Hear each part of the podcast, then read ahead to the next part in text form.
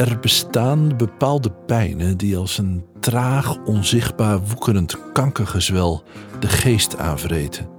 Dergelijke pijnen laten zich aan niemand duidelijk maken. Mensen zijn het gewend om deze ongelooflijke kwellingen af te doen als bizarre gedachtenspinsels.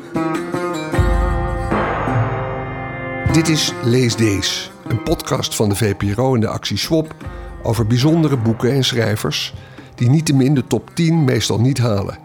Mijn naam is Anton de Goede. In deze podcast behandel ik die boeken omdat ze rijp zijn om herontdekt te worden. En dit keer staat De Blinde Uil centraal. En nee, een boekje voor teerhartige lezers is De Blinde Uil niet. Ik lees bij uh, recensies dat er ooit een soort golf van uh, uh, zelfmoorden destijds in Teheran is geweest. Naar aanleiding van het lezen van De Blinde Uil. Je voelt wel wat angst als je het leest. En het is soms verstikkend. Maar je blijft doorlezen. Er zijn verschillende uitleggen mogelijk bij dit boek. En dat maakt voor mij dit boek tot zo'n bijzonder boek. In deze aflevering van Lees Deze behandelen we het boekje van zo'n 130 bladzijden dat eind jaren 80 voor het eerst in een rechtstreeks uit het Perzisch vertaalde Nederlandse editie verscheen. Ik sprak met journaliste Karima Idrissi, met Iran-kenner Alexander Reewijk en met vertaler Gert de Vries die al jaren werkt als tolk vanuit het Farsi. Met hem vraag ik me af wat de blinde uil eigenlijk is. Een korte roman een lang verhaal? Of is het eigenlijk een dagboek van een schrijver die vertelt wat hem is overkomen en hoe die tegen de wereld aankijkt? Want de enige persoon die echt een rol speelt in dit boek is eigenlijk de verteller zelf. Gert de Vries. Er komen veel andere mensen te sprake, maar dat zijn allemaal schimmen. Dat zijn mensen die nauwelijks eigenschappen hebben in het boek. Ze worden genoemd, maar nooit beschreven. Uh, en ze lijken allemaal op elkaar. Ze hebben allemaal iets akeligs en ze hebben allemaal met de dood te maken. Of het gaat om de oude grijze man die die vanuit zijn woning ziet, daarbij het uh, riviertje, met die prachtige vrouw die hem een lotusbloem wil aanreiken. Of dat het uh, de straatventer op straat is, of de slager met het hakmes, of de koetsier die hem naar de begrafenis, naar de begraafplaats rijdt. Het zijn allemaal mensen zonder gezicht, zonder eigen identiteit. Een soort van ja, afspiegelingen van de verteller zelf eigenlijk. Er staat ook een eh, scène in het boek waarin hij voor de, voor de spiegel staat en allemaal grimassen trekt. En het hem opvalt dat hij de gezichten van al die verschillende figuren, die bijfiguren, aanneemt voor de spiegel. Dat is het beeld. Eén verteller en een heleboel afleidingen daarvan. En in welke tijd speelt dit? Waar, waar belanden we? De tijd die wisselt in het boek. Dat is ook een van de eh, nachtmerrieachtige kanten van het boek. Uh, er is geen eenheid van verteller, geen eenheid van plaats en geen eenheid van tijd. Dat heeft alles te maken met de wereldbeschouwing van Hedoyat. Hedoyat had grote uh, sympathie voor de reïncarnatie. Uh, hij heeft een poos in India gezeten. Hij was naar India gegaan om daar van de Parsis, dat is een groep van oude Zoroastriër-aanhangers die nog in India leven, om daar het Pahlavi te leren. Dat is de oud-Persische taal. De, de taal die voor het Farsi in uh, Iran uh, gesproken werd. En die taal uh, die heeft hij in, in die tijd dat hij de, de Blinde Uil publiceerde in, in India, heeft hij daar gestudeerd. En hij heeft daar een grote sympathie gekregen voor de reïncarnatie. Dus wat uh, Hedoyat betreft bestaat de wereld uit een opeenvolging, een eeuwigdurende opeenvolging van cyclussen. Als mensen doodgaan, dat mensen nooit helemaal verdwijnen. Er blijft altijd een kernelement over. De mens gaat wel in de aarde, maar dat kernelement dat komt weer naar boven. Dat, dat, dat uh, uit zich als een plant. Die plant wordt weer gegeten door dieren. Die dieren die worden weer gegeten door andere dieren. En weer door mensen. Zo komt iedereen weer terug op een gegeven moment. Het, het boek begint met de tegenwoordige tijd. Hij zit in zijn kamer. En in het tweede deel, dan zijn we opeens in een heel andere tijd. Hedoyat heeft het over uh, een omgeving die zowel bizar als ook vertrouwd was. dat, dat heeft weer een klank van de reïncarnatie. Dat mensen nog een herinnering hebben aan een vorig leven. Zijn eigen identiteit die is ook wisselend. Het is niet één identiteit. Hij verandert aan het einde van het boek in het kwaad, wat, waar hij zo'n verschrikkelijke afschuw van had. En hij heeft dus al die extensies, al die bijfiguren, die eigenlijk ook afspiegelingen van hemzelf zijn, afsplitsingen van hemzelf.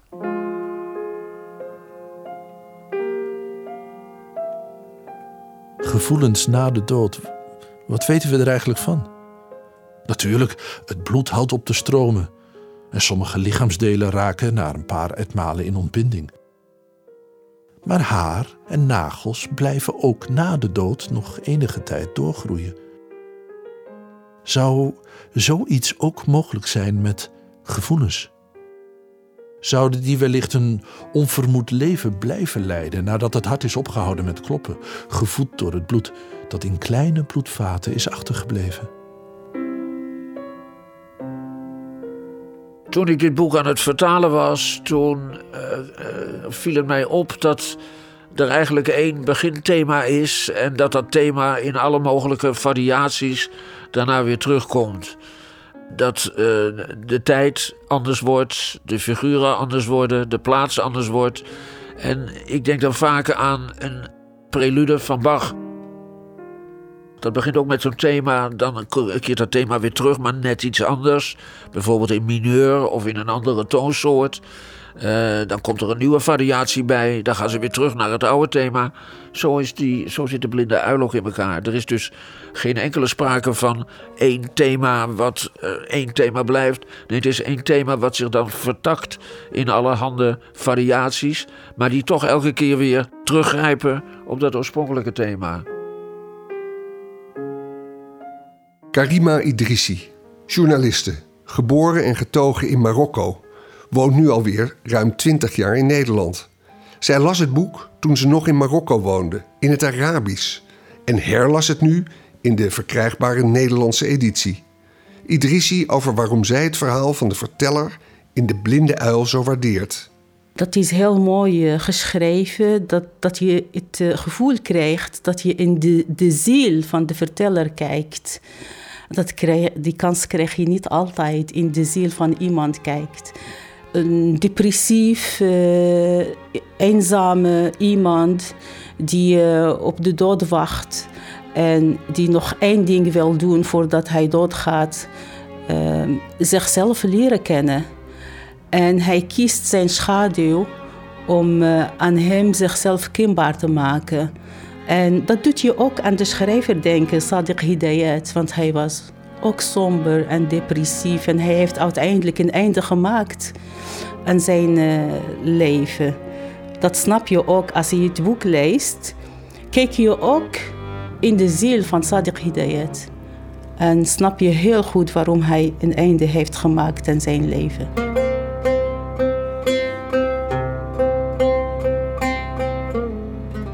Dergelijke pijnen laten zich aan niemand duidelijk maken.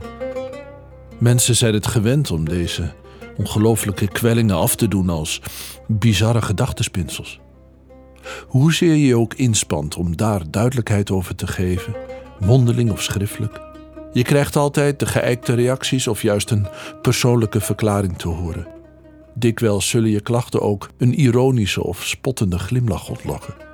Zal iemand er ooit in slagen de geheimen te doorgronden van deze onaardse dimensie, van dit schimmige, comateuze rijk, van dit grensgebied tussen dromen en waken? Het is een heel heftig, intens boek.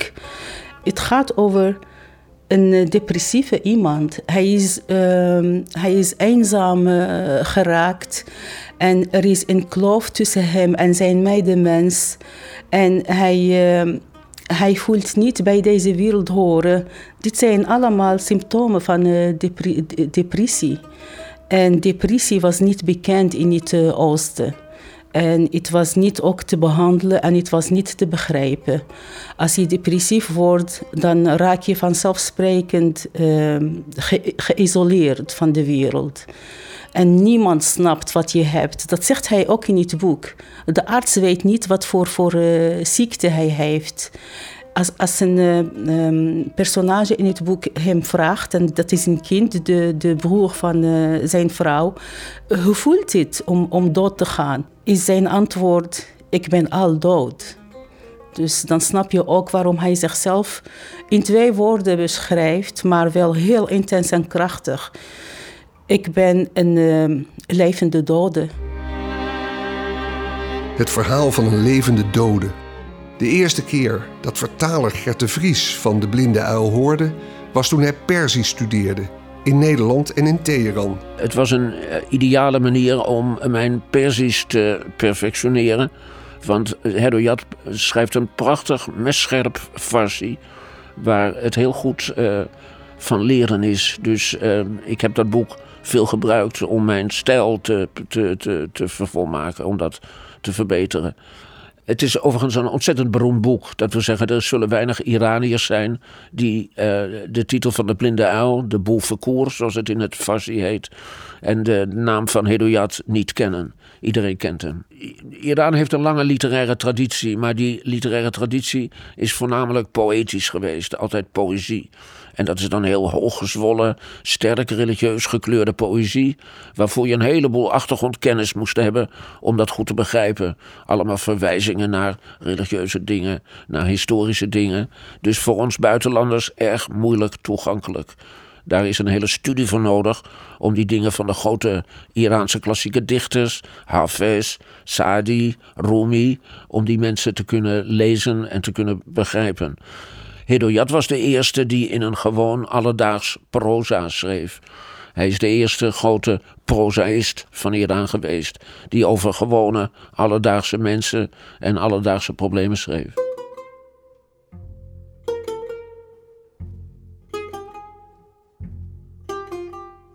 Een beroemd boekje uit Iran, kortom, dat ook in de Arabische wereld van Karima Idrissi was doorgedrongen.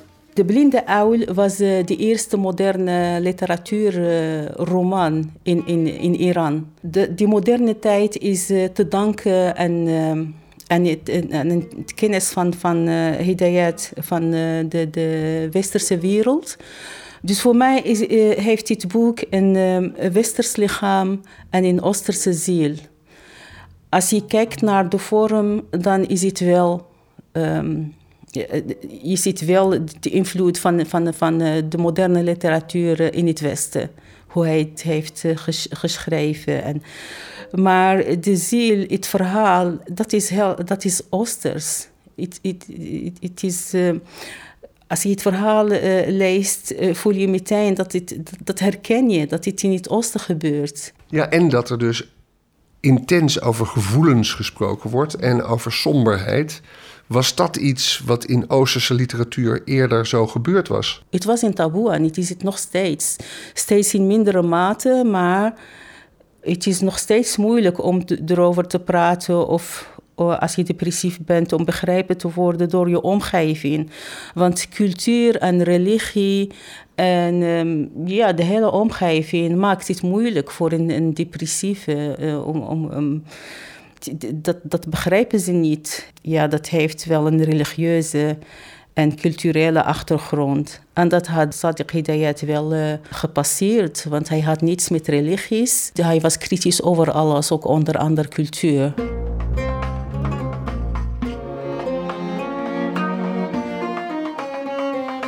Om verder te duiken in de achtergrond van de blinde uil bezoek ik Alexander Reewijk, schrijver en reiziger en groot boekenliefhebber.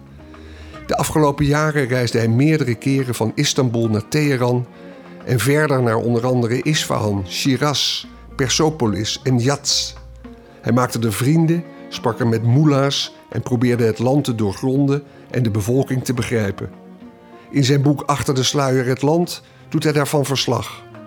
In hoofdstuk 1, dat hij noemde Iran is de letteren, beschrijft hij zijn liefde voor oude boeken over Perzië. Voordat we zouden praten over de blinde uil, wilde ik die boeken wel eens zien. Ja, die staan in de Globe Wernicke kast met de glazen deurtjes. Alexander Reewijk. Zullen we er even naartoe lopen? Ja, ja, ja. Ja, het is voor mij is uh, Iran is de letteren. Uh, dat heeft vooral te maken met mijn introductie met, uh, met Iran. Dat was vooral via de boeken van Cees Notenboom, van V.S. Naipaul. Ik, ik, zal hem even open doen.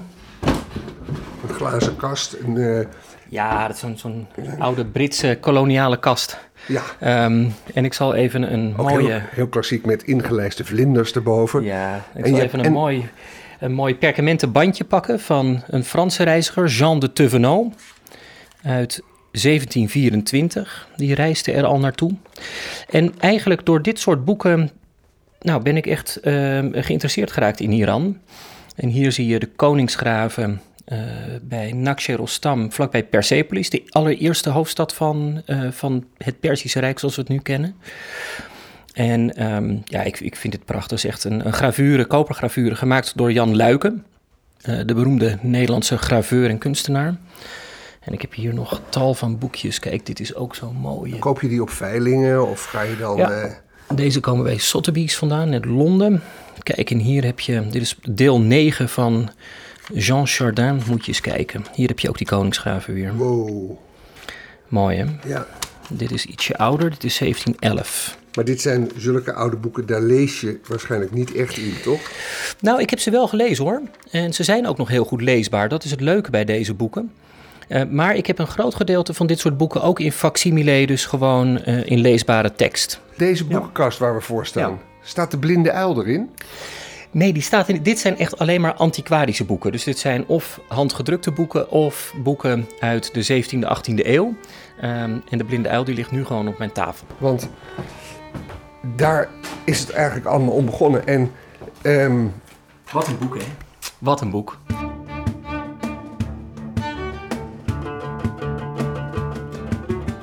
Wat ik denk dat het allerbelangrijkste is, voor mij in ieder geval voor de, rondom de blinde uil, is dat het een boek is dat op verschillende manieren is uit te leggen.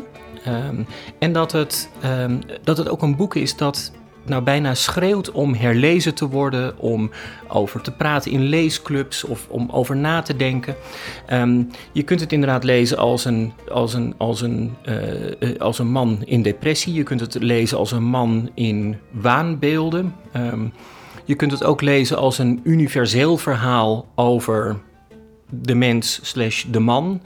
Um, je, er zijn verschillende, de verschillende uitleggen mogelijk uh, bij dit boek. En dat maakt voor mij dit boek tot zo'n bijzonder boek. Ja, en het is eigenlijk zo West-Europees. Karima Idrissi die zei: Het is, uh, bestaat eigenlijk uit een lichaam en een ziel. En het lichaam zou je westers kunnen noemen mm. en de ziel oosters. Ja, en dat is inderdaad wat je ziet. Je ziet uh, de auteur van het boek, dat hij uh, heel duidelijk een, een Perzische ziel heeft. Uh, heel poëtisch taalgebruik, diep, diepte in het boek. En tegelijkertijd zie je dat hij bekend was en bestudeerd had de, de Europese meesters, Kafka, Pessoa enzovoort. Dus je, je ziet heel duidelijk inderdaad die twee culturen samenvloeien in dit boek. In een diep en zwart wereldbeeld. En tegelijkertijd, hij heeft dit boek geschreven in 1936 in India, in Bombay toen nog. En um, dus je ziet eigenlijk die drie verschillende um, uh, gebieden samenkomen in, in toch een relatief um, klein boek. net iets meer dan een novelle, zou ik zeggen. Ja, en het grappige is dat je India noemt en dat hij inderdaad die, in, die Indiase kant heeft. Uh, ook een kant van reïncarnatie en ja. van dat, die, die, die hindoe-achtige kant. Mm. Je zou zelfs nog kunnen zeggen, hè, hij verbindt op een gegeven moment die, een van die vroege hoofdsteden van het Perzische Rijk met uh, het, het Iran van nou, 1930 toen hij het schreef. Je zou zelfs kunnen zeggen dat daar ook een soort van reïncarnatie of in ieder geval een soort eeuwigheid in zit als hij op een gegeven moment merkt dat een bepaald gezicht van de vrouw uh, die hij tekent, zowel op de pennendozen als later uh, in, in tekenvorm, dat hij exact datzelfde gezicht met precies diezelfde amandelvormige ogen en die doorlopende wenkbrauwen uh, op die vaas weer terug ziet komen. Grappig dat je wijst op dat cyclische. Gert de Vries, de vertaler, mm -hmm. die zei dat als hij aan muziek denkt bij dit boek, wat hij regelmatig moet doen, dat hij dan komt bij de preludes van Bach, mm -hmm. die ook steeds variëren op dezelfde thema's. Ja wel weer opmerkelijk dat het dan bij westerse muziek ja. uh, dat hij daar aankomt. Nou is Bach natuurlijk ook wel de meest universele uh, componist die we hebben. Uh, maar dat heeft natuurlijk voor een deel ook te maken um, dat ook Gert de Vries westers is en dat dat natuurlijk ook zijn bagage is. Um, en ik weet ook niet specifiek, ik weet niet of dat in de Perzische muziek, of dat daar ook in zit. Maar het is natuurlijk heel opvallend dat, ehm, eh, dat dit boek dat hele cyclische element heeft. En ik vind de vergelijking met de preludes van Bach bij, ehm, bij de vertaler niet zo heel erg gek. Dat snap ik wel. Ja. Heb jij misschien komende uit Iran andere associaties met andere muziek als je dit boek leest? Nou, ik heb, er is één nummer dat heet Shane, uh, gezongen door Puran en Figen. En dat heeft een, een bepaalde melancholie die eh, het is, dit, dit boek komt uit 1937. Dat nummer komt uit een iets latere periode. Maar er zit altijd wel een soort van melancholie en een soort van um, poëzie, um, poëzie. En ook als je dit boek leest, en hulde voor de vertaler, want het is echt prachtig vertaald. Um, dan lees je, ondanks dat het een roman is, je leest poëzie. Je leest zowel in taalpoëzie, maar je merkt ook als je het leest, dat je denkt: ik mis dingen. Ehm, er, ik, moet, ik moet puzzelen. Ik moet zoeken naar waar het over gaat in dit boek. Ik moet tussen de regels lezen. En dat is toch voor mij ook wel een essentie van het lezen van poëzie: dat je dieper moet. En dit is die muziek die jij net noemt. En hoe heet die? Het heet Shane.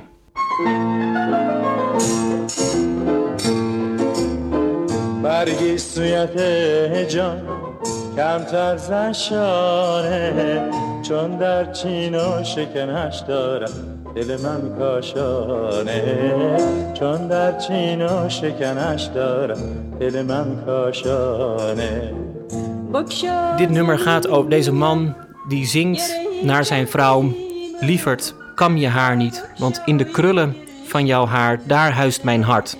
En op het moment dat je je haar kamt, dan blijft aan de tanden van de kam, daar blijft dan mijn hart aan hangen. En het, ja, dit is een superieure melancholie. Ik heb dit ooit laten luisteren aan uh, de moeder van mijn Iraanse vriend, die spontaan in huilen uitbarstte, omdat dit namelijk het nummer was pre-revolutie, dus uh, voor 1979. En um, dit was het lievelingslied dat zij luisterde samen met haar man, die inmiddels was overleden. Dus het was heel erg mooi en het heeft ook een enorme melancholieke sfeer.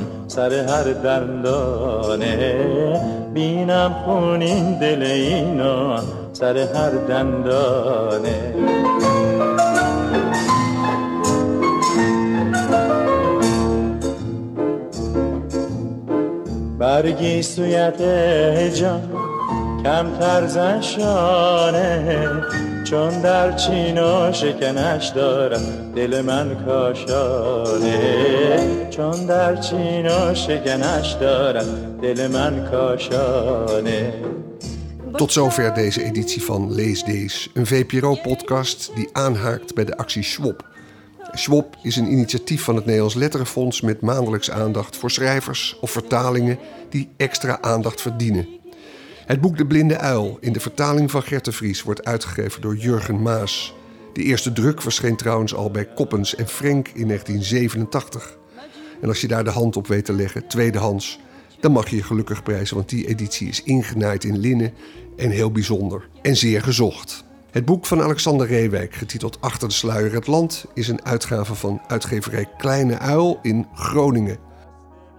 Naast Fred de Vries, Karima Idrissi en Alexander Reewijk dank ik Berry Kamer, Alexander Koch, George Koppens, José Ferdinandus, Sanne van der Pijl, Randy Vermeulen en de collega's van het programma Nooit meer slapen. Reageren op deze podcast kan.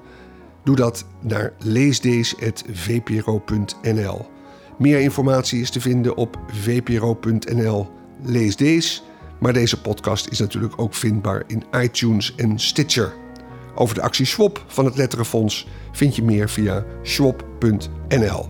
Graag tot horens, tot bij een andere editie van Lees Dees.